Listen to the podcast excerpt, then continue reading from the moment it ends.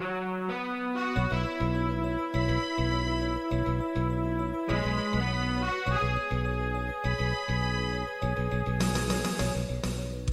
listening to Radio Free Asia. The following program is in Khmer.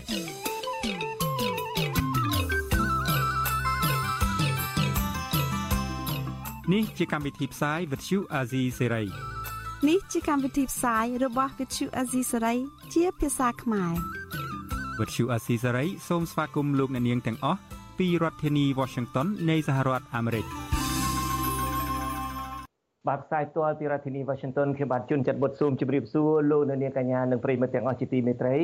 បាទយើងខ្ញុំសូមជូនកម្មវិធីផ្សាយសម្រាប់រាត្រីថ្ងៃប្រហ័សមួយកើតខែស្រាបឆ្នាំថោះបញ្ញស័កពុទ្ធសករាជ2567ត្រូវនៅថ្ងៃទី17ខែសីហាគ្រិស្តសករាជ2023 បាទជាកិច្ចចាប់ផ្ដើមនេះសូមអញ្ជើញលោកអ្នកនាងស្ដាប់ព័ត៌មានប្រចាំថ្ងៃដែលមានមេតិការដូចតទៅ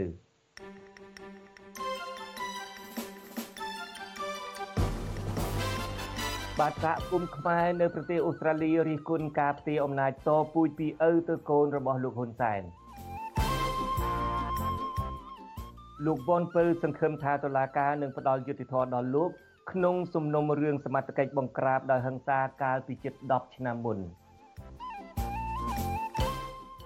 បាទសាច់ញាតិប្តឹងអធិការរងស្រុកមង្គលបុរីទៅតុលាការសង្ស័យការធ្វើទរណកម្មរហូតដល់យុវជនម្នាក់ស្លាប់បាទនៅក្នុងការផ្សាយនេះរាត្រីនេះដែរយើងនឹងមានប្រវត្តិរបស់លោកអូនពាន់មនីរតដែលធ្លាប់មានផែនការរត់ចោលសន្តិភាពរបស់លោកហ៊ុនសែនលោបលួចទៅទិញសញ្ជាតិនៅបរទេសនៅប្រទេសស៊ីបរួមនឹងព័ត៌មានមួយចំនួនទៀតបាទជាបន្តទៅទៀតនេះខ្ញុំបាទជួនចាត់បុតស៊ូមជូនព័ត៌មានទាំងនេះពិស្ដា បាទលោកនាងកញ្ញាជាទីមេត្រីសហគមន៍ខ្មែរនៅក្នុងប្រទេសអូស្ត្រាលីមិនពេញចិត្តចំពោះការផ្ទេរអំណាចពីឪទៅកូនរបស់លោកហ៊ុនសែនដែលគ្រោងនឹងធ្វើជាផ្លូវការនៅថ្ងៃទី22ខែសីហាខាងមុខនេះពួកគាត់មើលឃើញថានេះគឺជាការផ្ទេរអំណាចបែបតវងត្រកូលដែលមានចរិតផ្ដាច់ការប្រាចាស់ពីគោលការណ៍ប្រជាធិបតេយ្យនិងស្មារតីនៃកិច្ចព្រមព្រៀងក្រុងប៉ារីសឆ្នាំ1991បាទលោកអ្នកនាងនឹងបានស្ដាប់សេចក្តីរាយការណ៍អំពីរឿងនេះនាពេលបន្តិចទៀតនេះ បាទលោកអ្នកនាងកញ្ញាជាទីមេត្រីលោកអនអូនពាន់មនីរតបានកាន់តំណែងជារដ្ឋមន្ត្រីក្រសួងសេដ្ឋកិច្ចនិងហិរញ្ញវត្ថុចាប់តាំងពីរដ្ឋាភិបាលអាណត្តិទី5ឆ្នាំ2013ហើយនឹងបន្តកាន់តំណែងនេះទៀតនៅក្នុងរដ្ឋាភិបាលអាណត្តិទី7នេះរដ្ឋមន្ត្រីរូបនេះតែងទទួលបានការសរសើរពីលោកហ៊ុនសែននៅតាមវេទិកាសាធារណៈបើទោះបីជាមន្ត្រីរូបនេះបានលបលួចទៅទិញសញ្ជាតិបរទេសនៅប្រទេសស៊ីបនៅឆ្នាំ2013 ក្នុងគោលបំណងត្រៀមខ្លួនរត់ចាកចោលសន្តិភាពរបស់លោកហ៊ុនសែនក៏ដោយចុះបាទតើលោករដ្ឋមន្ត្រីរូបនេះមានអ្វីលាក់បាំងទៀតនិងមានប្រវត្តិបែបណាបាទលោកអ្នកនាងនៅបានស្ដាប់សេចក្តីរាយការណ៍ពិស្ដារអំពីរឿងនេះនាពេលបន្តិចទៀតនេះដែរកម្មវិធី Vithu Azizi ស្រីសម្រាប់ទូរស័ព្ទដៃអាចឲ្យលោកអ្នកនាង អានអត្ថបទទស្សនាវីដេអូនិងស្ដាប់ការផ្សាយផ្ទាល់ដោយឥតគិតថ្លៃនិងដោយគ្មានការរំខាន ដើម្បីអាននិងទស្សនាមេតិការថ្មីថ្មីពី Vithu Azisari លោកអ្នកនាងគ្រាន់តែចុចបាល់កម្មវិធីរបស់ Vithu Azisari ដែលបានដំឡើងរួចរាល់លើទូរស័ព្ទដៃរបស់លោកអ្នកនាងប្រសិនបើលោកអ្នកនាងចង់ស្ដាប់ការផ្សាយផ្ទាល់ឬការផ្សាយចាស់ចាស់សូមចុចលើប៊ូតុងរូបវិទ្យុដែលស្ថិតនៅផ្នែកខាងក្រោមនៃកម្មវិធីជាការស្ដាយ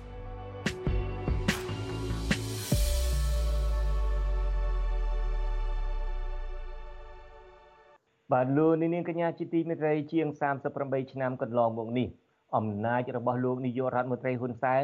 បានឡើងដល់ចំណុចកំពូលដោយគ្មានគូប្រៀបនៅកម្ពុជា ក្រៅតែពីគ្រប់គ្រងអំណាចនីតិប្រតិបត្តិលោកហ៊ុនសែនក៏បានប្រើឥទ្ធិពលរបស់លោកគ្របដណ្ដប់ទៅលើស្ថាប័នរដ្ឋសភានិងតុលាការព្រមទាំងស្ថាប័នព្រះមហាក្សត្រថែមទៀតផង ដើម្បីពង្រឹងអំណាចរបស់លោកប្រកបដោយជោគជ័យ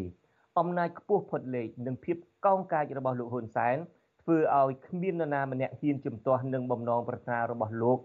មួយឡើយដូច្នេះនៅកម្ពុជាបើលោកចង់ធ្វើអ្វីមួយមិនថាឡើយកាត់ជ្រៀលបឹងបួរទន្លេលើកលែងទោសឲ្យនរណាម្នាក់ឲ្យសញ្ជាតិជនបរទេសណាម្នាក់ឬធ្វើច្បាប់អ្វីមួយក៏ដោយចុះក៏លោកធ្វើបានទាំងអស់ទោះជាស្របច្បាប់ឬមិនស្របច្បាប់ក៏ដោយចុះកត្តានេះធ្វើឲ្យលោកលង់នឹងអំណាចរហូតដល់ហ៊ានប្រឡយពាក្យថាសូម្បីតែម៉ែស្ដេចឪស្ដេចក៏លោកមិនខ្លាចដែរបាទកន្លងមក បាទកន្លងមកមានការប្រៀបធៀបលោកហ៊ុនសែនទៅនឹងស្ដេចកនដែលនាំឲ្យមានការនិយាយថាលោកហ៊ុនសែនចង់ធ្វើស្ដេចថែមទៀតផងក្រោយថ្ងៃ22ខែសីហាខាងមុខនេះអាណត្តិនាយករដ្ឋមន្ត្រីរបស់លោកហ៊ុនសែនត្រូវបញ្ចប់បន្ទាប់ពីលោកផ្ទេរតំណែងនេះទៅឲ្យកូនប្រុសរបស់លោកគឺលោកហ៊ុនម៉ាណែតឲ្យបន្តតំណែងជានាយករដ្ឋមន្ត្រីបន្ទាប់ពីលោកក៏ដោយចោះបន្ទាប់ពីចាក់ចេញពីតំណែងនាយករដ្ឋមន្ត្រីនេះ តើលោកហ៊ុនសែនទៅចាប់យកតំណែងអ្វីខ្លះទៀតតើលោកទៅរួចទេបើសិនជាចង់លោកចង់ធ្វើស្ដេចក្រងរាជទៅវិញនោះបាទនេះពេលបន្តិចទៀតនេះអ្នកយកព័ត៌មានរបស់យើងនឹងឡើងបកស្រាយជុំវិញបញ្ហានេះជូនលោកអ្នកនាងបាទលោក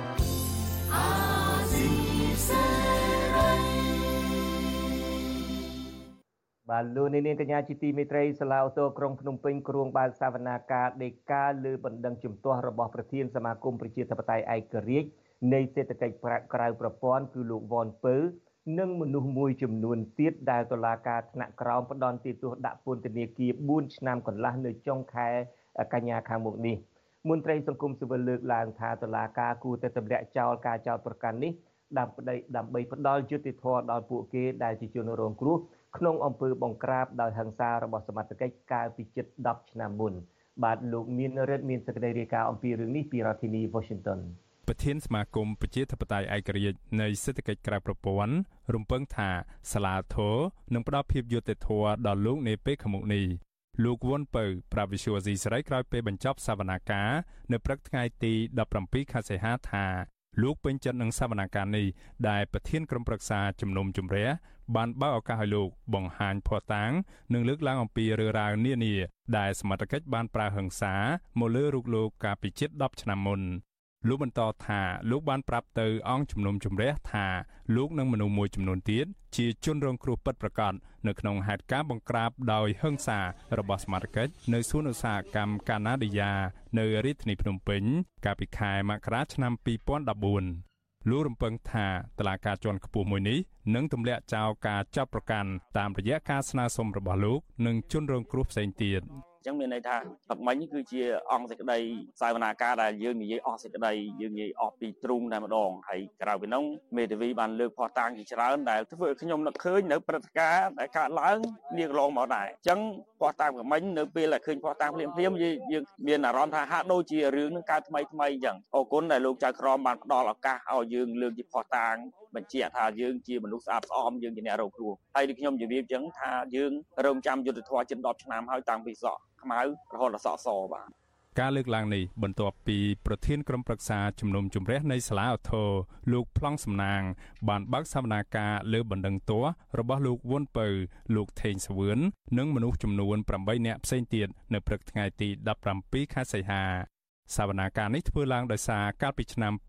2014មេធាវីការពីក្តីរបស់លោកវុនពៅគឺលោកសំសុគង្គបានប្តឹងទាស់ទៅនឹងសេចក្តីសម្រេចរបស់សាលាដំបងរាជធានីភ្នំពេញដែលបានផ្តន្ទាទោសលោកវុនពៅនិងមនុស្សមួយចំនួនទៀតដាក់ពន្ធនាគារម្នាក់4ឆ្នាំកន្លះក៏ប៉ុន្តែឲ្យអនុវត្តទោសរយៈពេល4ខែ28ថ្ងៃហើយទោសដែលនៅសល់ត្រូវព្យួរតឡាកាបានចោទប្រកាន់លោកពីបទញុះញង់ពាក់ព័ន្ធនឹងការធ្វើបាតកម្មរបស់កម្មករ ដែលទាមទារដំឡើងប្រាក់ឈ្នួល160ដុល្លារកាលពីឆ្នាំ2014ដែលការនោះលោកត្រូវបានទាហានឆាត់យោង911វាយឲ្យរបួសធ្ងន់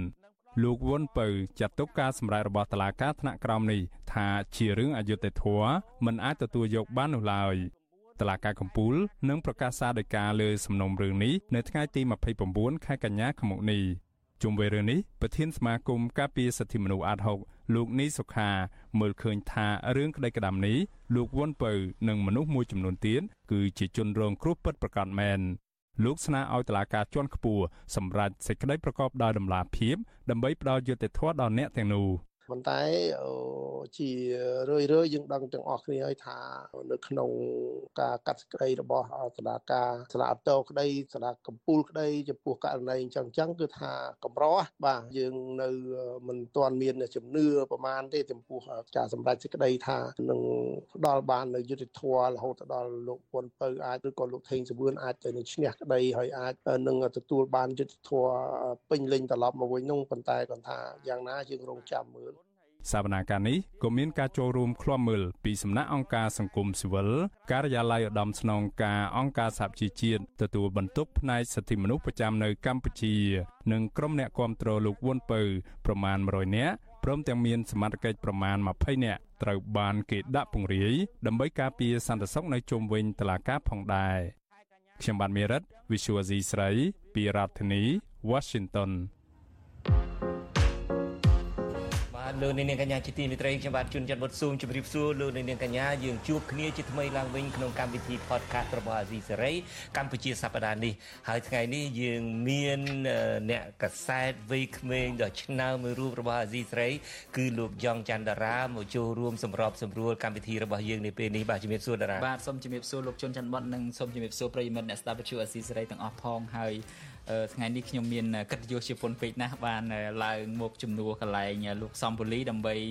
ចូលរួមកម្មវិធី podcast នៅពេលនេះហើយសង្ឃឹមថាលោកសំពូលីគាត់មិនអន់ចិត្តចឹងណាលោកជុនច័ន្ទបុតបាទបាទមិនអីទេគាត់សប្បាយចិត្តទៅវិញទេឃើញក្មួយបានដណ្ដើមយកតដែងរបស់គាត់ទៅបើសិនជាបានរហូតទៅគាត់អង្គុយសប្បាយចិត្តអង្គុយទៅប្រទៀនសប្បាយចិត្តហ្មងបាទមិនអញ្ចឹងទេគាត់មានអ្វីច្រើនណាស់ដែលគាត់ចង់និយាយក្នុងទ្រង់លោកពូជុនច័ន្ទបុតបាទបាទហើយបំភ្លេចសំពូលីចោលថ្ងៃហ្នឹងគឺថ្ងៃយ៉ងច័ន្ទតារាហើយនឹងជុនច័ន្ទបុតជុនច័ន្ទបុតជុនច័ន្ទបុតជុនច័ន្ទបុតពលលើកមុនចេញម្នាក់នោះស្អីគេសេកបណ្ឌិតនោះហៅមកនឹងគឺថាតិចតិចជុនច័ន្ទបុតតិចតិចជុនច័ន្ទបុតនៅហ្នឹងបាទបាទណាឥឡូវយើងកុំចេញយើងកុំនឹកឃើញដល់ឈ្មោះសំពលីមួយនាំសួយ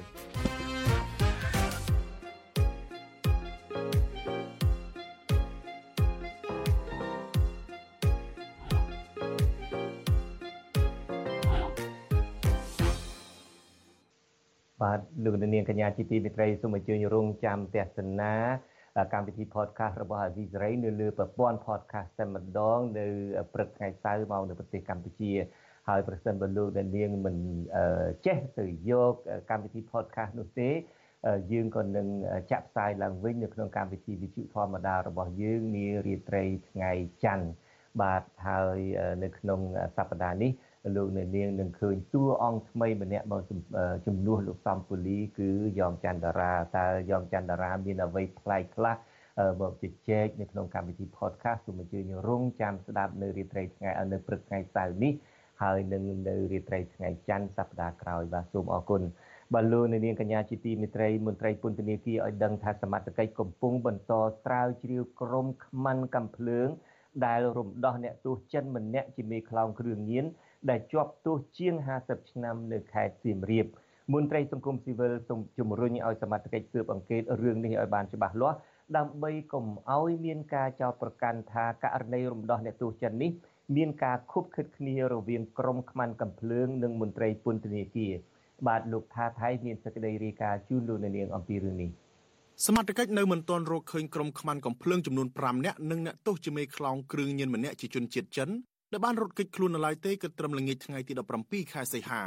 អ្នកនាំពាក្យអគ្គនាយកដ្ឋានពន្ធនាគារនៃក្រសួងមហាផ្ទៃលោកនុតសវណ្ណាថ្លែងថាសមត្ថកិច្ចកំពុងខ្នះខ្នែងតាមចាប់ខ្លួនជនល្មើសទាំងនោះមកវិញក៏ប៉ុន្តែលោកសុំមិនបង្ហាញថាតើសមត្ថកិច្ចរកឃើញតម្រុយហើយឬនៅនោះទេ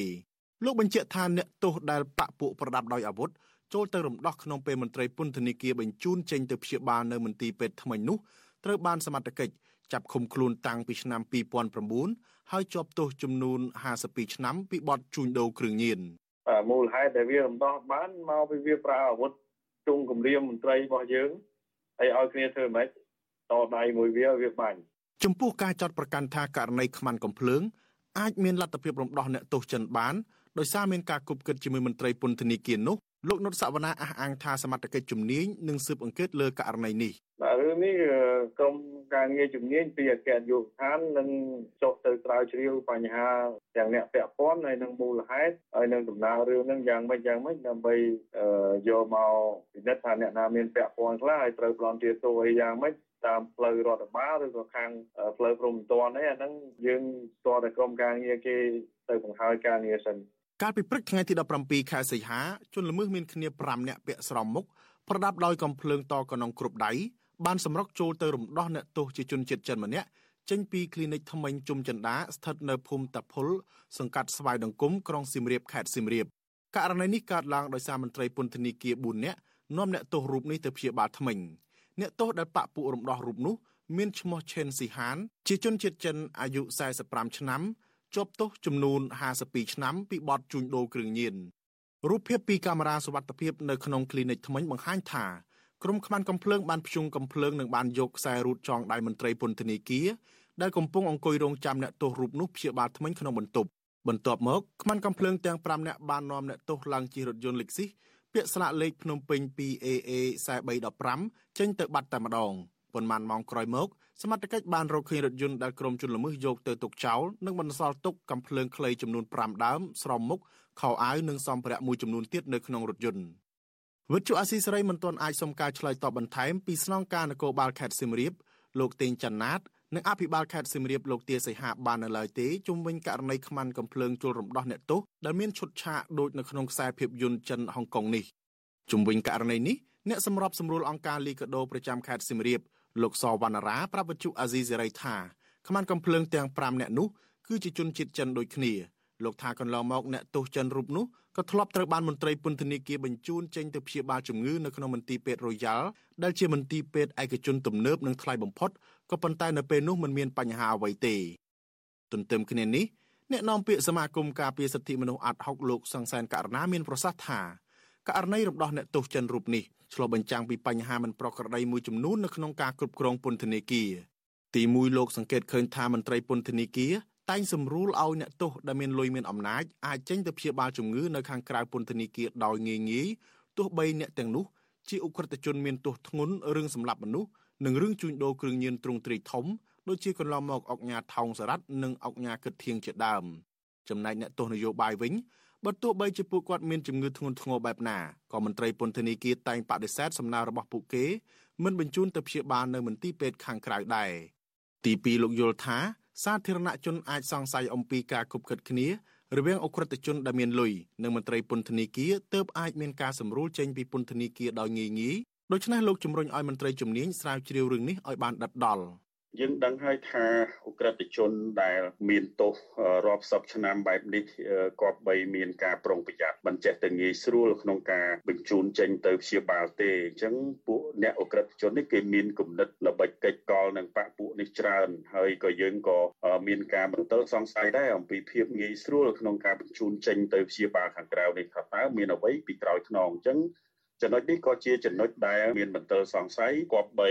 ស្ថាប័នអាជ្ញាធរពាក់ព័ន្ធស្ថាប័នថ្នាក់ជាតិដែលមានអ្នកជំនាញបច្ចេកទេសនេះគួរចុះធ្វើការស្រាវជ្រាវឲ្យបានច្បាស់លាស់អំពីបញ្ហានឹងរកអំពីការពិតនៃករណីទាំងអស់នោះថាតើមានជាប់ពាក់ព័ន្ធទៅនឹងការគប់គិតគ្នានៅផលប្រយោជន៍ណាមួយពាក់ព័ន្ធនឹងលុយកាក់អីទេឬក៏អំពើពុករលួយអីទេអានឹងគួរតែមានការពិនិត្យមើលឡើងវិញហើយបើរកឃើញជននោះក៏ត្រូវតែទទួលទោសទណ្ឌទៅតាមផ្លូវច្បាប់ដែរ លោកសង្សានករណីបន្ថែមថាករណីដែលជនល្មើសបន្សល់ទុករថយន្តនិងអាវុធទំនើបទំនើបអាចជួយសម្រួលដល់ការងារស៊ើបអង្កេតរបស់សមត្ថកិច្ចបន្ថែមទៀតដើម្បីស្វែងរកជនល្មើសនិងអ្នកពាក់ព័ន្ធលោកបន្តថាករណីនេះប្រសិនបើសមត្ថកិច្ចមិនស៊ើបអង្កេតឲ្យបានប្រសិទ្ធភាពទេនឹងធ្វើឲ្យសាធារណជនរិះគន់និងព្រួយបារម្ភពីសន្តិសុខសុវត្ថិភាពដោយសារជនបរទេសអាចរត់គេចពីសំណាញ់ច្បាប់និងអាចប្រើអាវុធទំនើបទំនើបក្នុងទឹកដីកម្ពុជាដោយគ្មានខ្លាចញញើត ប៉ុន្មានឆ្នាំចុងក្រោយនេះប្រទេសកម្ពុជាហាក់បាត់បង់អ្នកចំនួនសុចរិតបែរជាកើនឡើងនៅអ្នកចំនួនទុច្ចរិតដែលបើការរកស៊ីមានដូចជាការជួញដូរមនុស្សការបង្ខាំងមនុស្សខុសច្បាប់ការឆបោកតាមអនឡាញការជួញដូរគ្រឿងញៀនការចាប់ចម្រិតនិងការបាញ់បោះសេរីដល់គូឲ្យព្រឺព្រួចជាដើមដែលភ ieck ច្រើនជាប់ពាក់ព័ន្ធនឹងជនជាតិចិនអ្នកខ្លោមើលយល់ថាករណីនេះកើតឡើង ដោយសារតែរដ្ឋាភិបាលរបស់លោកហ៊ុនសែនបានសម្លាប់លទ្ធិប្រជាធិបតេយ្យហើយងាកទៅប្រើនយោបាយបើកចំហជើងមេឃដល់ជនជាតិចិននិងស្និទ្ធស្នេហ៍ជាមួយរដ្ឋាភិបាលចិនខ្ញុំថាថៃពីទីក្រុងមែលប៊នបាទលោកនាងកញ្ញាជាទីមេត្រីតកតងទៅនឹងអក្រិតកម្មនេះដែលតុលាការប្រទេសសង្ហបុរី បានចោទប្រកាន់ជាផ្លូវការនៅជនបរទេស10នាក់ក្នុងនោះមានស្ត្រីម្នាក់ដែលមានសញ្ជាតិចិនស៊ីប និងចិនដែលមានសញ្ជាតិខ្មែរពីបទជាប់សង្ស័យពាក់ព័ន្ធនឹងបទល្មើសមួយចំនួនរួមមានការក្លែងបន្លំនិងការលាងលុយកខ្វក់ដែលគិតជាទឹកប្រាក់ប្រមាណ1000លានដុល្លារសហរដ្ឋអាមេរិកក្នុងប្រតិបត្តិការដ៏ធំនេះប៉ូលីសសង្ហបុរីរឹបអូសបានប្រាក់ដុល្លារច្រើនសន្ធឹកសន្ធាប់អឺគេហដ្ឋានដំណើរតំបន់ថ្លៃរថយន្តទំនើបទំនើបនិងវត្ថុមានតម្លៃផ្សេងផ្សេងទៀត បាទសារព័ត៌មាន Street Time ចុះផ្សាយនៅថ្ងៃទី17ខែសីហាឲ្យដឹងថាប៉ូលីសសង្ហបុរីប្រមាណជា400នាក់បាទបានពាត់ស្ទាក់នៅតំបន់មួយចំនួនដើម្បីចូលវាយឆ្មក់ចាប់ឃាត់ខ្លួនជនសង្ស័យទាំង10នាក់នោះដែលមានអាយុចន្លោះពី31ឆ្នាំដល់44ឆ្នាំកាលពីថ្ងៃទី15ខែសីហាកន្លងទៅនេះប៉ូលីសបានបង្ហាញឈ្មោះជនសង្ស័យទាំងនោះក្រោយពីបានស៊ើបអង្កេតដ៏យូរនិងស្វិតស្វាញ តាមរយៈការផ្ទេរទឹកប្រាក់របស់ជនសង្ស័យនៅតាមធនាគារមួយចំនួនព្រះរាជអាជ្ញារងលោក David Khu កាលពីល្ងាចថ្ងៃពុធទី16ខែសីហាបានរៀបចំសំណុំរឿងប្តឹងជនសង្ស័យទាំងនោះក្នុងសវនាការដ៏កម្រមួយនៅយប់ដដែលដើម្បីចោទប្រកាន់ជាផ្លូវការជនសង្ស័យម្នាក់ឈ្មោះស៊ូហាជីនអាយុ40ឆ្នាំសញ្ជាតិស៊ីបត្រូវបានតុលាការចោទប្រកាន់ពីបទប្រឆាំងការចាប់ខ្លួន ដោយបានលួចទម្លាក់ខ្លួនពីជាន់ទី2តែត្រូវបានប៉ូលីសចាប់ខ្លួននិងបញ្ជូនទៅព្យាបាលរបួសនៅមន្ទីរពេទ្យជនសង្ស័យទាំង10នាក់នោះរួមមានសញ្ជាតិស៊ីបចំនួនចំណែក3នាក់ទៀតចិនមានសញ្ជាតិខ្មែរនិងទូគីនិងជនសង្ស័យចិនផ្សេងទៀតប៉ូលីសឲ្យដឹងដែរថាជនបរទេសមួយក្រុមនេះរងការចោទប្រកាន់ពីបទលាងលុយកខ្វក់និងមានជាប់ពាក់ព័ន្ធជាមួយនឹងក្រុមអ ுக ្រិតជននៅក្រៅប្រទេស ដែលជាប់ពាក់ព័ន្ធទៅនឹងការជួញដូរមនុស្សការបោកប្រាស់និងការបើកបនលបែងអនឡាញខុសច្បាប់ប៉ូលីសកំពុងតាមដានជាប់ជនជាប់សង្ស័យ8នាក់ទៀតដែលពេលនេះកំពុងរត់គេចខ្លួន។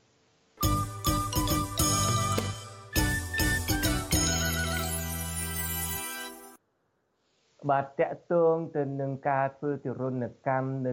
ពេលដែលជាប់ឃុំឃាំងវិញម្ដង ឪពុករបស់យុវជនដែលបានស្លាប់បាត់បង់ជីវិតបន្ទាប់ពីសមត្ថកិច្ច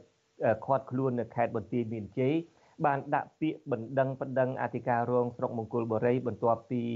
សង្ស័យថាមន្ត្រីសមត្ថកិច្ចរូបនេះធ្វើទារុណកម្មកូនប្រុសរបស់លោករហូតដល់ស្លាប់ខ្លួនក្នុងពេលសួរចម្លើយមន្ត្រីសង្គមស៊ីវិលជំរុញឲ្យស្ថាប័នពាក់ព័ន្ធបើកការស៊ើបអង្កេតលើករណីនេះដើម្បីរកយុត្តិធម៌និងបញ្ឈប់ការធ្វើទរណកម្មឃោឃៅ នៅពេលសួរចម្លើយជនសង្ស័យបាទលោកសេកបណ្ឌិតមានសេចក្តីរាយការណ៍អំពីរឿងនេះពីរដ្ឋធានី Washington ឪពុករបស់យុវជនដែលបាត់បង់ជីវិតបន្ទាប់ពីសមត្ថកិច្ចឃាត់ខ្លួននិងសួរចម្លើយអះអាងថាការបកស្រាយរបស់អាជ្ញាធរដែលថាកូនរបស់លោកជាប់ពាក់ព័ន្ធនឹងករណីគ្រឿងញៀនជារឿងមិនអាចទទួលយកបាន ហើយលោកនឹងទៀមទារោគយុទ្ធធរឲ្យកូនប្រុសរបស់លោកតាមផ្លូវច្បាប់ឲ្យខាងតែបានឪពុករបស់ជនរងគ្រោះលោកលៀនលៀង ប្រាប់វិទ្យុអាស៊ីសេរី នៅថ្ងៃទី17សីហាថាលោកបានដាក់ពាក្យបណ្ដឹងទៅតុលាការហើយកាលពីថ្ងៃទី16សីហា លោកបញ្ជាក់ថាមូលហេតុដែលលោកសម្រេចចិត្តដាក់ពាក្យប្តឹងនេះ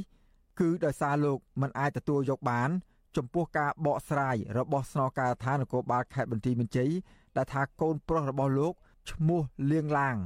ស្លាប់ដោយសារកាំងបេះដូងលោកអះអាងថា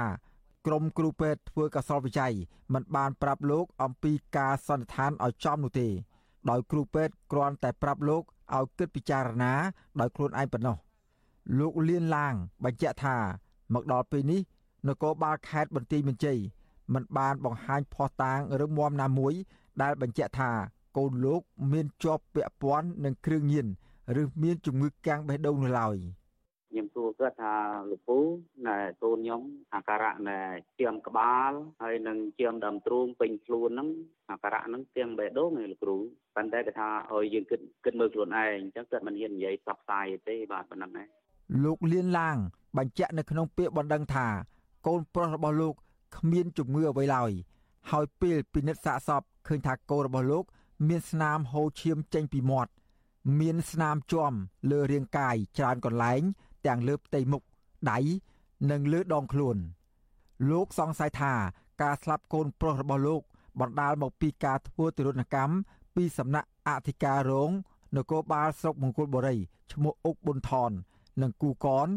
ក្នុងពេលសួរចម្លើយលោកស្នើទៅតុលាការឲ្យផ្ដន្ទាទោសជនប្រព្រឹត្តតាមផ្លូវច្បាប់ និងទាមទារសំណងជំងឺចិត្តចំនួន100000ដុល្លារ វិទ្យុអាស៊ីសេរីនៅពុំទាន់អាចតាក់ទងអធិការនគរបាលស្រុកមង្គលបុរី លោកស៊ីនណារ៉ានិងអ្នកនាំពាក្យអគ្គស្នងការដ្ឋាននគរបាលជាតិលោកឆាយគឹមខឿនដើម្បីសុំការបកស្រាយអំពីរឿងនេះបានទេ នៅថ្ងៃទី17សីហាដោយទូរស័ព្ទហៅចូលច្រើនដងតែពុំមានអ្នកទទួលប៉ុន្តែតាមលិខិតបំភ្លឺព័ត៌មានរបស់ស្នងការដ្ឋាននគរបាលខេត្តបន្ទាយមានជ័យកាលពីថ្ងៃទី4ខែសីហាអះអាងថាយុវជនលៀនឡាង ស្លាប់ដោយសារលេបថ្នាំញៀនចូលក្នុងពោះដើម្បីបំផ្លាញភស្តុតាង តែបណ្ដាលឲ្យប្រតិកម្មរហូតដល់ប្រកាច់កាំងបេះដូងស្លាប់គណៈលទ្ធផលតេស្តរោគសារធាតុញៀនបង្ហាញថាវិជ្ជមាន ស្នងការខេត្តបានបញ្ជាក់ដែរថាក្រមគ្រួសារយុវជនរូបនោះ បានទទួលស្គាល់តាមលទ្ធផលនៃការពិនិត្យរបស់គ្រូពេទ្យផងដែរតែកតិនរឿងនេះអ្នកនាំពាក្យសមាគមការពារសិទ្ធិមនុស្សអាត6លោកសឹងសានករណា ក៏សម្គាល់ឃើញថាការស្លាប់របស់ជនសង្ស័យភ ieck ច្រើនកើតឡើងនៅក្នុងដំណាក់កាលនៃការសួរចម្លើយនិងប្រមូលភស្តុតាង ដែលប្រព្រឹត្តដោយមន្ត្រីនគរបាលយុទ្ធធរក្នុងរូបភាពវាយដំដើម្បីឲ្យពួកគេផ្ដល់ចម្លើយឬសារភាពលោកថាការប្រើអំពើហិង្សាវាយដំធ្វើទរណកម្មបែបនេះជាការរំលោភបំពានទៅលើច្បាប់ និងអនុសញ្ញាតាក់ទងនឹងការប្រឆាំងនឹងអំពើឃោឃៅអមនុស្សធម៌ លោកបន្តថាករណីនេះត្រូវមានការស៊ើបអង្កេតពីស្ថាប័នប្រឆាំងអំពើពុករលួយឬស្ថាប័នប្រឆាំងទរណកម្មថ្នាក់ជាតិដើម្បីបញ្ចប់ភាពឃោឃៅបែបនេះកុំឲ្យកើតមានតទៅទៀត។ ហើយបើសិនជាស៊ើបគេស្រាវជ្រាវឃើញថាមានករណីនឹងកើតមានឡើងហើយឃើញពីបុគ្គលឬក៏សមត្ថកិច្ចរូបណាដែលប្រព្រឹត្តនៅបទល្មើសទាំងអស់នេះក៏បីមានការកសាងសំណុំរឿងបញ្ជូនទៅតុលាការដើម្បីធ្វើការដន្ទាទោសជននឹងទៅតាមផ្លូវច្បាប់ដើម្បីបញ្ចប់នៅអំពើនីតិរដ្ឋភាពពាក់ព័ន្ធទៅនឹងករណីទរណកម្មនឹងឯងអញ្ចឹងបើមិនធ្វើដូច្នេះទេអំពើបែបហ្នឹងមិនរៀងចាលទេហើយចេះតែបន្តកើតមានឡើងនៅក្នុងសង្គមខ្មែរយើងនឹងបាទ ការធ្វើទរណកម្មលើបុគ្គលដែលជាជនសង្ស័យកើតមានឡើងជាបន្តបន្ទាប់ជាក់ស្ដែងកាលពីថ្ងៃទី3ខែមេសាឆ្នាំ2021បរិះម្នាក់ឈ្មោះពេជ្រធីរ៉េតអាយុ31ឆ្នាំ នៅស្រុកសង្កែខេត្តបាត់ដំបង ក៏បានស្លាប់បន្ទាប់ពីប៉ូលីសចាប់ឃុំខ្លួនសួរចម្លើយនៅក្នុងអធិការដ្ឋានគោបាលស្រុកសង្កែអស់រយៈពេលជាង3ម៉ោងប៉ុន្តែទោះបីជាគ្រួសារជនរងគ្រោះដាក់ពាក្យប្តឹងយ៉ាងណាក្តី ក៏មន្ត្រីជាប់ពាក់ព័ន្ធក្នុងការធ្វើទរណកម្មមិនត្រូវបានផ្ដន់ទោសនោះឡើយគឺបានត្រឹមតែដកចេញពីទូនាទី និងផ្ទេរទីកន្លែងចាស់ដាក់ទៅកាន់ទូនាទីថ្មីប៉ុណ្ណោះចំណែកកាលពីថ្ងៃទី20កក្កដាកន្លងទៅប៉ូលីសស្រុកថ្មគោលបានវាយធ្វើទរណកម្មលើយុវជនម្នាក់បណ្ដាលឲ្យរបួសធ្ងន់ធ្ងរហើយរហូតដល់ពេលនេះសមាជិកក៏មិនទាន់អាចចាប់ជនប្រព្រឹត្តមកផ្ដន្ទាទោសបាននៅឡើយទេ ជុំវិញករណីសួរចម្លើយជនសង្ស័យរហូតដល់ស្លាប់បែបនេះក្រុមគ្រួសារជនរងគ្រោះស្នើឲ្យតុលាការស្រាវជ្រាវករណីនេះឡើងវិញពីព្រោះពួកគាត់យល់ថាការវិនិច្ឆ័យលើការធ្វើកសលវិច័យលើសាកសពនិងការបកស្រាយរបស់អាជ្ញាធរខុសពីសភាពសាកសពដែលក្រុមគ្រួសារជនរងគ្រោះសង្ស័យថា គឺជាការធ្វើទរណកម្មខ្ញុំបាទសេកបណ្ឌិតវិទ្យុអាស៊ីសេរីពីរដ្ឋធានីវ៉ាស៊ីនតោន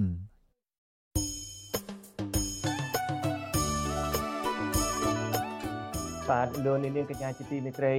លោកនាងអាចស្ដាប់ការផ្សាយរបស់ VTV អាស៊ីសេរីតាមបណ្ដាញសង្គម Facebook YouTube និង Telegram បានផងហើយប្រសិនបើលោកនាងមាន VTV រលកធាតុអាកាសខ្លីលោកនាងក៏អាចស្ដាប់ការផ្សាយរបស់ VTV អាស៊ីសេរីតាម VTV រលកធាតុអាកាសខ្លីបានដែរដោយផ្សាយតាមកម្រិតនិងកម្ពស់ដូចតទៅ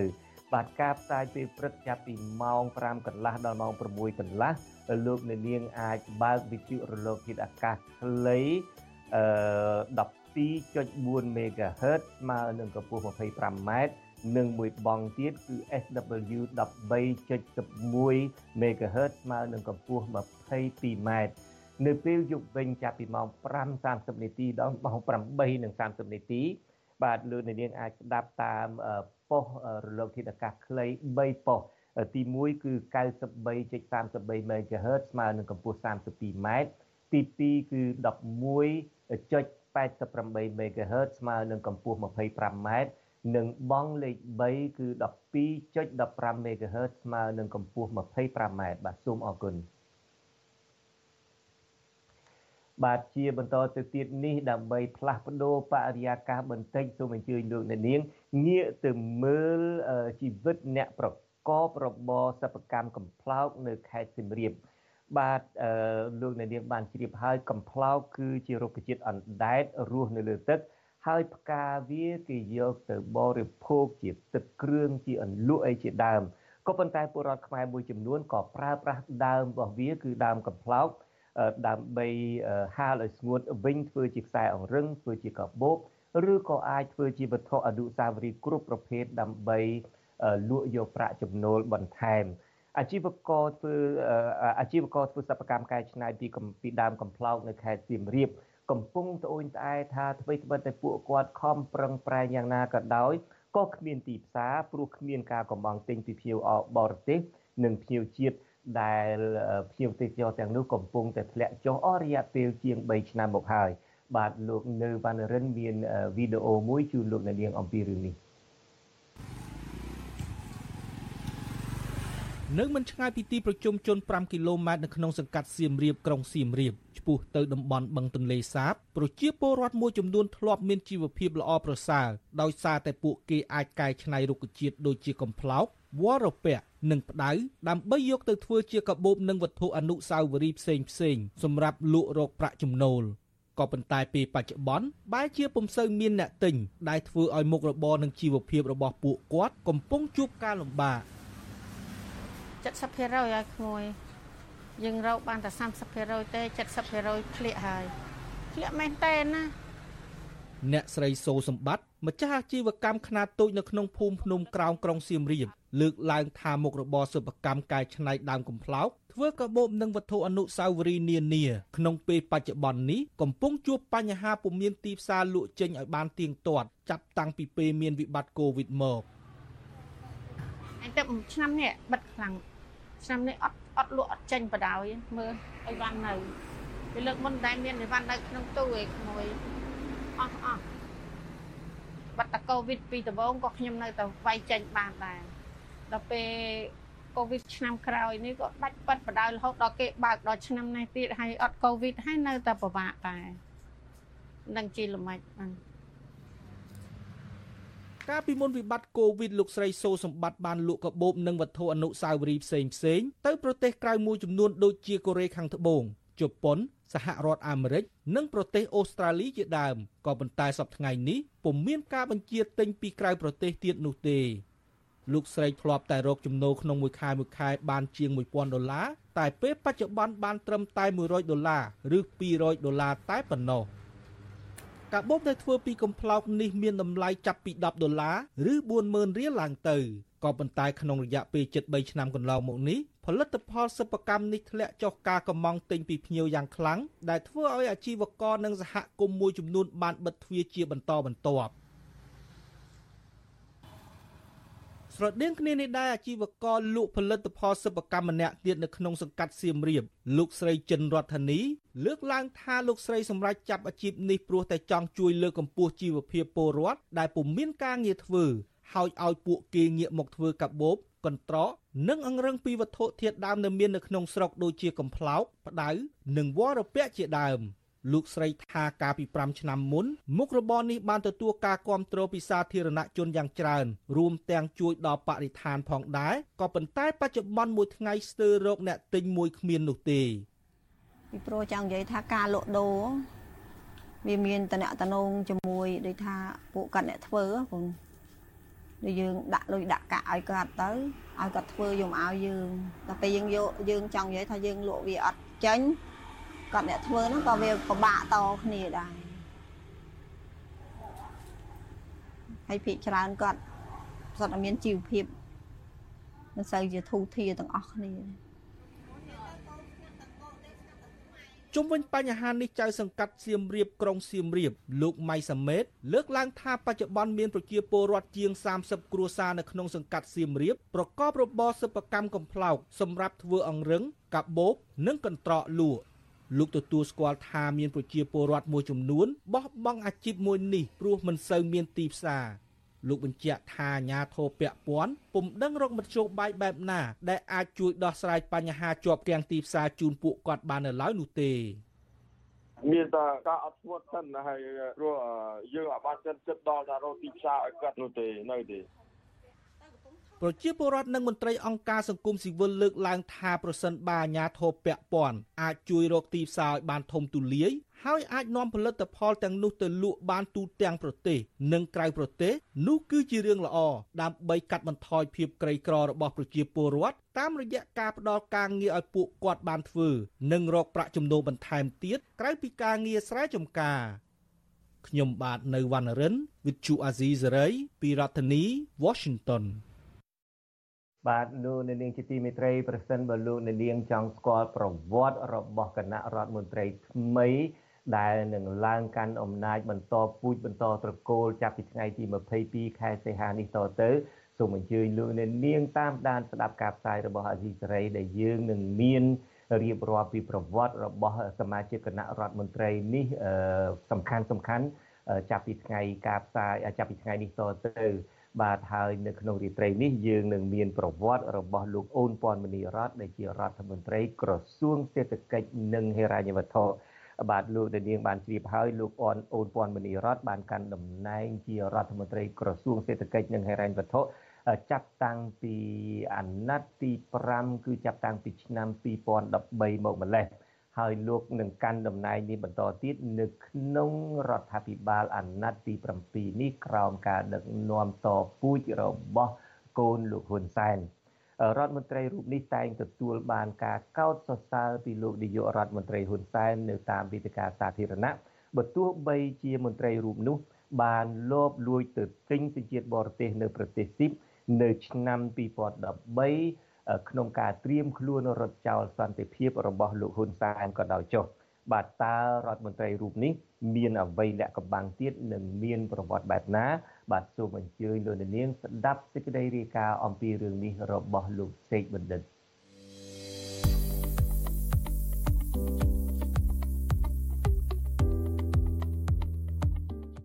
លោកអូនពាន់មនីរតកើតនៅថ្ងៃទី1ខែតុលា ឆ្នាំ1965 នៅក្នុងរាជធានីភ្នំពេញលោកបានរៀបការជាមួយអ្នកស្រីអឹមពូលីកា ជាកូនស្រីអតីតរដ្ឋមន្ត្រីក្រសួងអប់រំ គឺលោកអឹមសុធី ហើយមានកូន4នាក់ប្រុស2ស្រី2ប្រវត្តិការសិក្សាជាច្រើនផ្នែករបស់លោករួមមានទាំងផ្នែកសង្គមវិទ្យាសាស្ត្រនយោបាយនិងធុរកិច្ចជាដើម។ចាប់តាំងពីឆ្នាំ1984ដល់ឆ្នាំ1993 គឺរៀននៅក្នុងទីក្រុងមូស្គូប្រទេសរុស្ស៊ីទាំងអស់ក្នុងនោះនៅឆ្នាំ1993លោកទទួលសញ្ញាបត្របណ្ឌិត ផ្នែកធុរកិច្ចអន្តរជាតិនៅទីនោះជីវិតការងារលោកអូនពាន់មនីរតធ្វើជាលេខារបស់លោកហ៊ុនសែននៅឆ្នាំ1992ហើយក៏ឡើងតំណែងជាបន្តបន្ទាប់រហូតក្លាយជារដ្ឋមន្ត្រីក្រសួងសេដ្ឋកិច្ចនិងហិរញ្ញវត្ថុនៅឆ្នាំ2013 ហើយក៏ទទួលតំណែងជាឧបនាយករដ្ឋមន្ត្រីទទួលបន្ទុកក្រសួងដដែលនេះនៅឆ្នាំ2018នៅក្នុងអាណត្តិទី6ក្រៅពីតួនាទីជារដ្ឋមន្ត្រីក្រសួងសេដ្ឋកិច្ចនិងហិរញ្ញវត្ថុលោកអូនពាន់មនីរតបានកាន់តួនាទីសំខាន់សំខាន់មួយចំនួនផ្សេងទៀតរួមមានដូចជា ប្រធានឧត្តមក្រុមប្រឹក្សាសេដ្ឋកិច្ចជាតិប្រធានបណ្ឌិតសភាចារនៃរាជបណ្ឌិតសភាកម្ពុជា និងជាប្រធានគណៈកម្មាធិការមូលបត្រកម្ពុជាជាដើមនៅក្នុងរចនាសម្ព័ន្ធរដ្ឋាភិបាលអាណត្តិទី7រដ្ឋមន្ត្រីវ័យ56ឆ្នាំរូបនេះស្ថិតនៅក្នុងចំណោមថ្នាក់ដឹកនាំកម្ពុជា3រូបក្នុងនោះ មានលោកហ៊ុនម៉ាណែត ជានាយករដ្ឋមន្ត្រី បន្ទាប់មក មានលោកណេតសាវឿននិងលោកអូនពាន់មនីរតជាឧបនាយករដ្ឋមន្ត្រីលំដាប់ខ្ពស់ចំណែកតួនាទីនៅក្នុងគណៈបកប្រជាជនកម្ពុជាវិញ លោកអូនពាន់មនីរតជាសមាជិកម្នាក់ក្នុងចំណោម35នាក់នៃគណៈអចិន្ត្រៃយ៍ជាស្ថាប័នកម្ពុជារបស់គណៈបកក្នុងពិធីមួយ នៅថ្ងៃទី3ខែសីហាលោកនាយករដ្ឋមន្ត្រីហ៊ុនសែនបានលើកសរសើរពីសមត្ថភាព និងស្នាដៃរបស់លោកអូនពាន់មនីរតថាចេះចាត់ចែងថវិកាជាតិបានល្អកន្លងមកលោកហ៊ុនសែនក៏តែងតែលើកសរសើរលោកអូនពាន់មនីរតបែបនេះដែរ ប៉ុន្តែអ្វីដែលគេមិនដែលឮពីមុនមកនោះ គឺលោកហ៊ុនសែនបានអរគុណលោកអូនពាន់មនីរតដែលលោកថា បានជួយបណ្ដុះបណ្ដាលកូនប្រុសរបស់លោកទាំង3នាក់ហើយអរគុណណាស់ចំពោះឯកឧត្តមអូនពាន់មនីរតដែលបានជួយបណ្ដុះបណ្ដាលកូនខ្ញុំទាំង3នាក់ពួកខ្ញុំប្រើផ្ញើការប្រកាសរបស់លោកហ៊ុនសែនគាំទ្រលោកហ៊ុនម៉ាណែតជាបេក្ខភាពនាយករដ្ឋមន្ត្រីនាពេលអនាគត ទើបទាំងលោកទាសីហា និងលោកសសុខាសុទ្ធរដ្ឋជាសមាជិកម្នាក់ក្នុងចំណោម35នាក់នៃគណៈអចិន្ត្រៃយ៍ជាស្ថាប័នកម្ពុជារបស់គណៈបកក្នុងពិធីមួយ នៅថ្ងៃទី3ខែសីហាលោកនាយករដ្ឋមន្ត្រីហ៊ុនសែនបានលើកសរសើរពីសមត្ថភាព និងស្នាដៃរបស់លោកអូនពាន់មនីរតថាចេះចាត់ចែងថវិកាជាតិបានល្អកន្លងមកលោកហ៊ុនសែន ក៏តែងតែលើកសរសើរលោកអូនពាន់មនីរតបែបនេះដែរប៉ុន្តែអ្វីដែលគេមិនដែលឮពីមុនមកនោះ គឺលោកហ៊ុនសែនបានអរគុណលោកអូនពាន់មនីរតដែលលោកថាបានជួយបណ្ដុះបណ្ដាលកូនប្រុសរបស់លោកទាំង3នាក់ហើយអរគុណណាស់ចំពោះឯកឧត្តមអូនពាន់មនីរតដែលបានជួយបណ្ដុះបណ្ដាលកូនខ្ញុំទាំង3នាក់ក៏ខ្ញុំប្រើផ្ញើឲ្យបណ្ដុះបណ្ដាល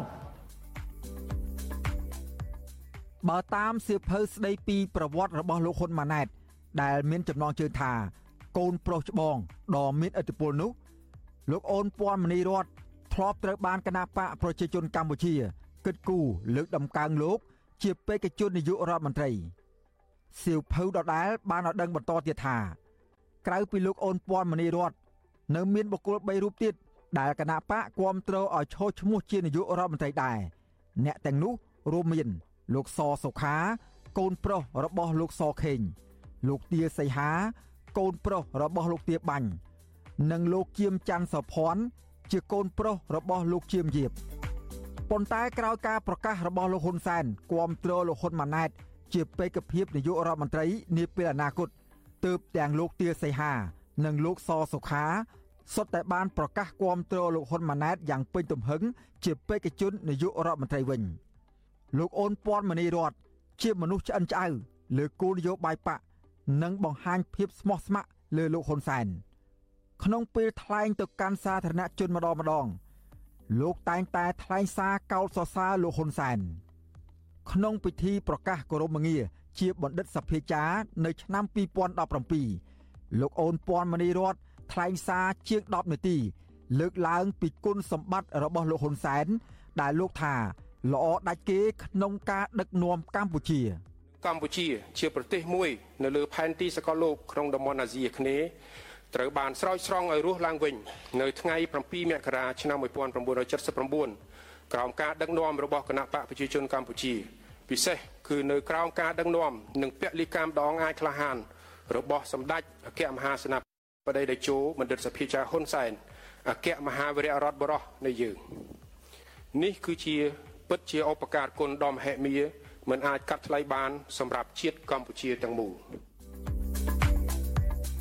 បើទោះជាមន្ត្រីជាន់ខ្ពស់រូបនេះតែងតែថ្លែងសារបង្ហាញពីភាពស្មោះស្ម័គ្រនឹងលោកហ៊ុនសែននិងប្រទេសជាតិក៏ដោយចុះក៏លោកនិងគ្រួសារបានលួចលាក់ទៅទិញសញ្ជាតិនិងប្រមូលទ្រព្យសម្បត្តិទៅលាក់ទុកនៅក្រៅប្រទេសទៅវិញអត្ថបទស៊ើបអង្កេតមួយរបស់សារព័ត៌មាន Reuters ចេញផ្សាយនៅឆ្នាំ2019បានរកឃើញថា ក្នុងឆ្នាំ2017មានមនុស្សយ៉ាងហោចណាស់8នាក់ជាសាច់ញាតិនិងជាក្រុមមនុស្សស្និទ្ធនឹងលោកហ៊ុនសែនបានចំណាយលុយជាច្រើនលានដុល្លារទិញផ្ទះនិងសញ្ជាតិនៅប្រទេសស៊ីបក្នុងចំណោមនោះក៏មានលោកអូនពាន់មនីរតនិងប្រពន្ធរបស់លោក គឺអ្នកស្រីអឹមប៉ូលីកាព្រមទាំងកូនប្រុសរបស់លោកផងឈ្មោះអូនពាន់មនីរាជ នៅក្នុងខែកក្កដាឆ្នាំ2014អ្នកស្រីអឹមប៉ូលីកាបានចំណាយលុយ2លាន1សែនដុល្លារអូស្ត្រាលី អាចស្មើនឹង1លាន5សែនដុល្លារអាមេរិកទិញអាផាតមិនមួយ ក្នុងតំបន់ One Central Park នៅក្នុងទីក្រុង Sydney ប្រទេសអូស្ត្រាលីនេះបើយោងតាមប្លង់កម្មសិទ្ធិកាន់កាប់អចលនទ្រព្យរបស់អាជ្ញាធរប្រទេសអូស្ត្រាលី ក្រៅពីទិញអាផាតមិននេះ ប្រពន្ធអូនពាន់មនីរតបានចំណាយប្រាក់ជាច្រើនផ្សេងទៀត ដើម្បីបើកអាជីវកម្មនៅលើទឹកដីនៃប្រទេសអូស្ត្រាលីនោះទន្ទឹមនឹងការបិទបាំងការទិញសញ្ជាតិនិងការបញ្ជូនទ្រព្យសម្បត្តិទៅលាក់ទុកនៅក្រៅប្រទេសនេះលោកអូនពាន់មនីរតតែងតែថ្លែងសារលើកសរសើរថាកម្ពុជា មានការរីកចម្រើនគ្រប់វិស័យរួមមានទាំងការគោរពច្បាប់ត្រឹមត្រូវនិងការបោះឆ្នោតត្រឹមត្រូវនិងយុត្តិធម៌ជាដើម កម្ពុជាដែលពីមុនល្បីក្នុងការប្រើប្រាស់អាវុធដើម្បីដណ្ដើមអំណាចគ្នានិងក្នុងការផ្លាស់ប្តូររដ្ឋាភិបាលឥឡូវនេះបានคล้ายទៅជាប្រទេសមួយដែលគោរពយ៉ាងខ្ជាប់ខ្ជួន នៅគោលការណ៍នៃលទ្ធិប្រជាធិបតេយ្យសេរីពហុបកតាមរយៈការរៀបចំយ៉ាងទៀងទាត់នៅការបោះឆ្នោតដោយសេរីត្រឹមត្រូវនិងយុត្តិធម៌ដើម្បីឲ្យប្រជាពលរដ្ឋជ្រើសតាំងតំណាងដឹកនាំប្រទេសជានីតិរដ្ឋដែលគោរពគោលការណ៍ច្បាប់ដោយឥតងាករេនិងជារដ្ឋអធិបតេយ្យដែលមានបូរណភាព ទឹកដីពេញលេញក្នុងនាមជារដ្ឋមន្ត្រីក្រសួងសេដ្ឋកិច្ចនិងជាមន្ត្រីជាន់ខ្ពស់របស់រដ្ឋាភិបាលរាប់សិបឆ្នាំមកនេះគេមិនដែលឮលោកអូនពាន់មនីរតប្រកាសពីគោលនយោបាយដោះស្រាយប្រកបដោយសមធម៌ពីបញ្ហាប្រជាពលរដ្ឋរាប់លានអ្នកជាប់បំណុលវ័នកនៅធនាគារនោះទេសម្រាប់អ្នកសិក្សាផ្នែកកិច្ចការសង្គមនិងនយោបាយលោកប៉ោមករាយល់ឃើញថា លោកអូនពាន់មនីរតជាមន្ត្រីមានចំណេះដឹងមួយរូបហើយថែមទាំងបាននិពន្ធសៀវភៅបានច្រើនក្បាលផងដែរប៉ុន្តែលោកថា តាមប្រវត្តិសិក្សានៅប្រទេសកុម្មុយនីសនិងអេរយាបតកន្លងមកលោកអូនពាន់មនីរតមិនអាចជួយធ្វើឲ្យប្រជាធិបតេយ្យប្រសើរឡើងនោះទេផ្ទុយទៅវិញ លោកគឺជាអ្នកជួយជ្រោមជ្រែងក្នុងការផ្ទេរអំណាចតវងត្រកូលដូចនៅប្រទេសផ្ដាច់ការទៅវិញលោកប៉ោមករាបន្តថា ការក្តោបក្តាប់អំណាចទូនីតិប្រមាណ10កន្លែងតែម្នាក់ឯងរបស់លោកអូនពំនីរតជាសញ្ញាណមួយបង្ហាញថាលោកមិនមែនជាមនុស្សប្រជាធិបតេយ្យនោះទេហើយក៏មិនអាចធ្វើការឲ្យមានប្រសិទ្ធភាពនោះដែរអាទាំងអស់ហ្នឹងយើងមិនចាំវិភាគអីវែងឆ្ងាយក៏យើងកាត់យើងអាចដឹងបានថាការ ធ្វើបែបហ្នឹងការអនុវត្តបែបហ្នឹងវាវាតម្រង់ហ្នឹងវានឹងបានលទ្ធផលអញ្ចឹងដដែលវាអាចថាវានឹងអាចមិនទៅមុខជាងបច្ចុប្បន្នហ្នឹងទេក៏ថាបានពាក់ព័ន្ធទៅនឹងដូចថាឥឡូវយើងនិយាយពីការរីកចម្រើនសេដ្ឋកិច្ចហ្នឹងវាមិនថាគិតថាមិនលើសជាងហ្នឹងទេទេហើយវាពាក់ព័ន្ធនឹងការពង្រឹងលទ្ធិប្រជាធិបតេយ្យនៅក្នុងស្រុកហ្នឹងក៏វាអត់មានលើសពីប៉ុណ្ណឹងវាអាចថាវាអាចក្រោមហ្នឹងវាអាចស្មើនឹងវិញអញ្ចឹងណារដ្ឋាភិបាលអាណត្តិទី7ដឹកនាំដោយលោកហ៊ុនម៉ាណែតដែលមានមន្ត្រីជាន់ខ្ពស់ដូចជាលោកអូនពាន់មនីរត ជួយជ្រោមជ្រែងនេះនឹងត្រូវដោះស្រាយវិបត្តិសេដ្ឋកិច្ចធ្ងន់ធ្ងរជាច្រើន ដែលកម្ពុជាកំពុងប្រឈមស្របពេលប្រទេសលោកសេរីធំធំ បន្តដាក់ទណ្ឌកម្មសេដ្ឋកិច្ចដោយសារតែការបោះឆ្នោតមិនគោរពតាមគោលការណ៍ប្រជាធិបតេយ្យសេរីនិងយុត្តិធម៌ខ្ញុំបាទសេកបណ្ឌិតវុទ្ធុអាស៊ីសេរីពីរដ្ឋធានីវ៉ាស៊ីនតោន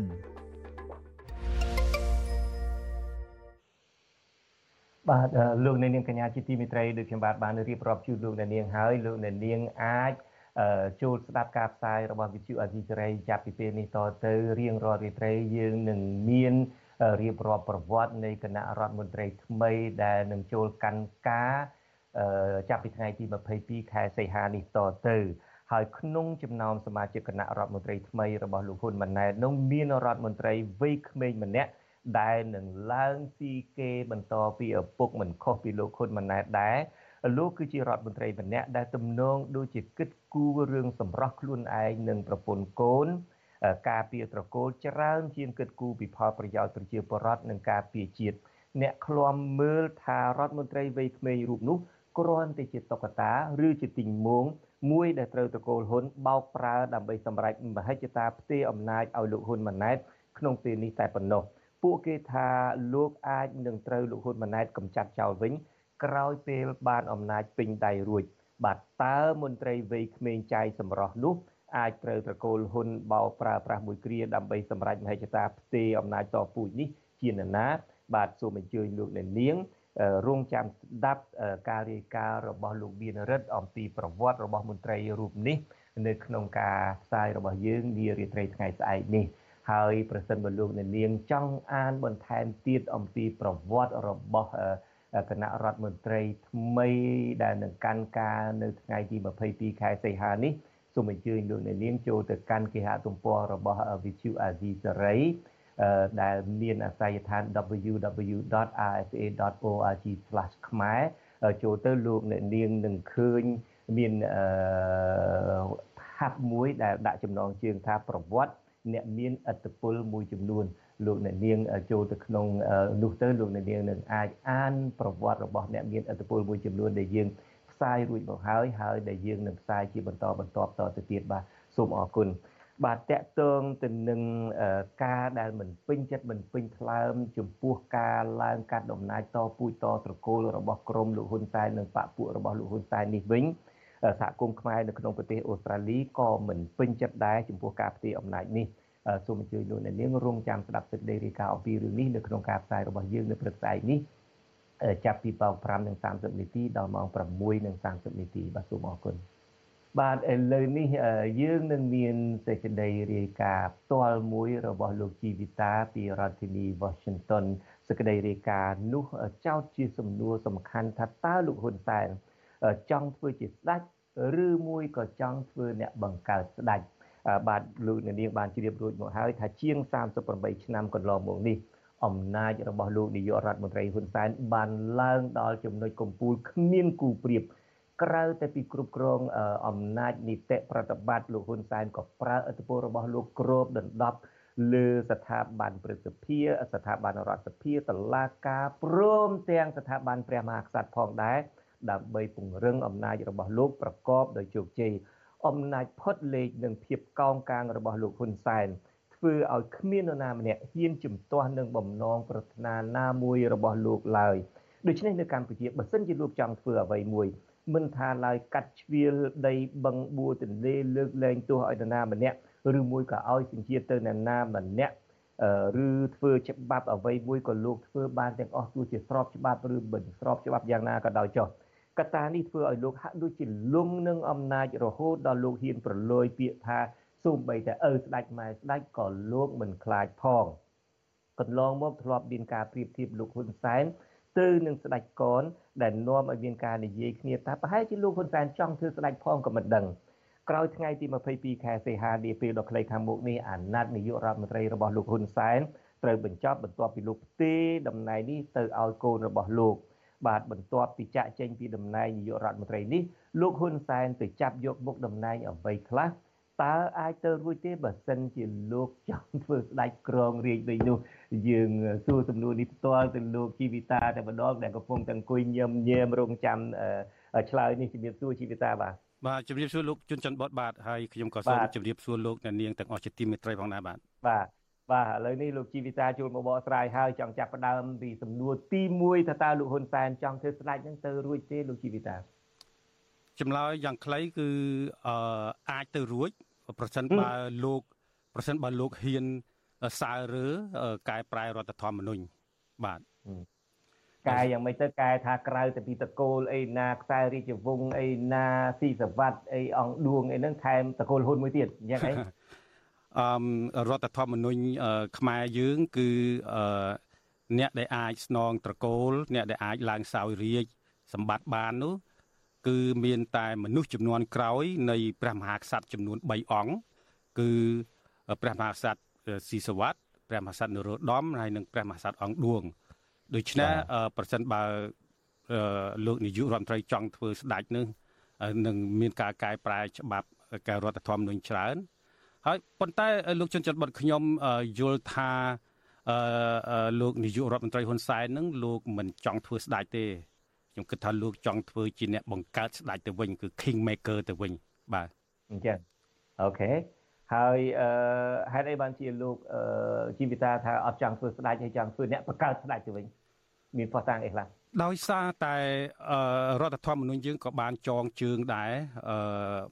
មានលក្ខខណ្ឌមិនអោយ ព្រះមហាក្សត្រមានអំណាចបើទោះជា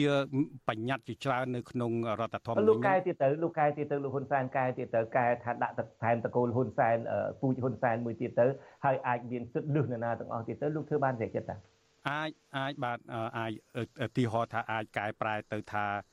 អឺអ្នកដែលធ្លាប់ធ្វើជានាយករដ្ឋមន្ត្រី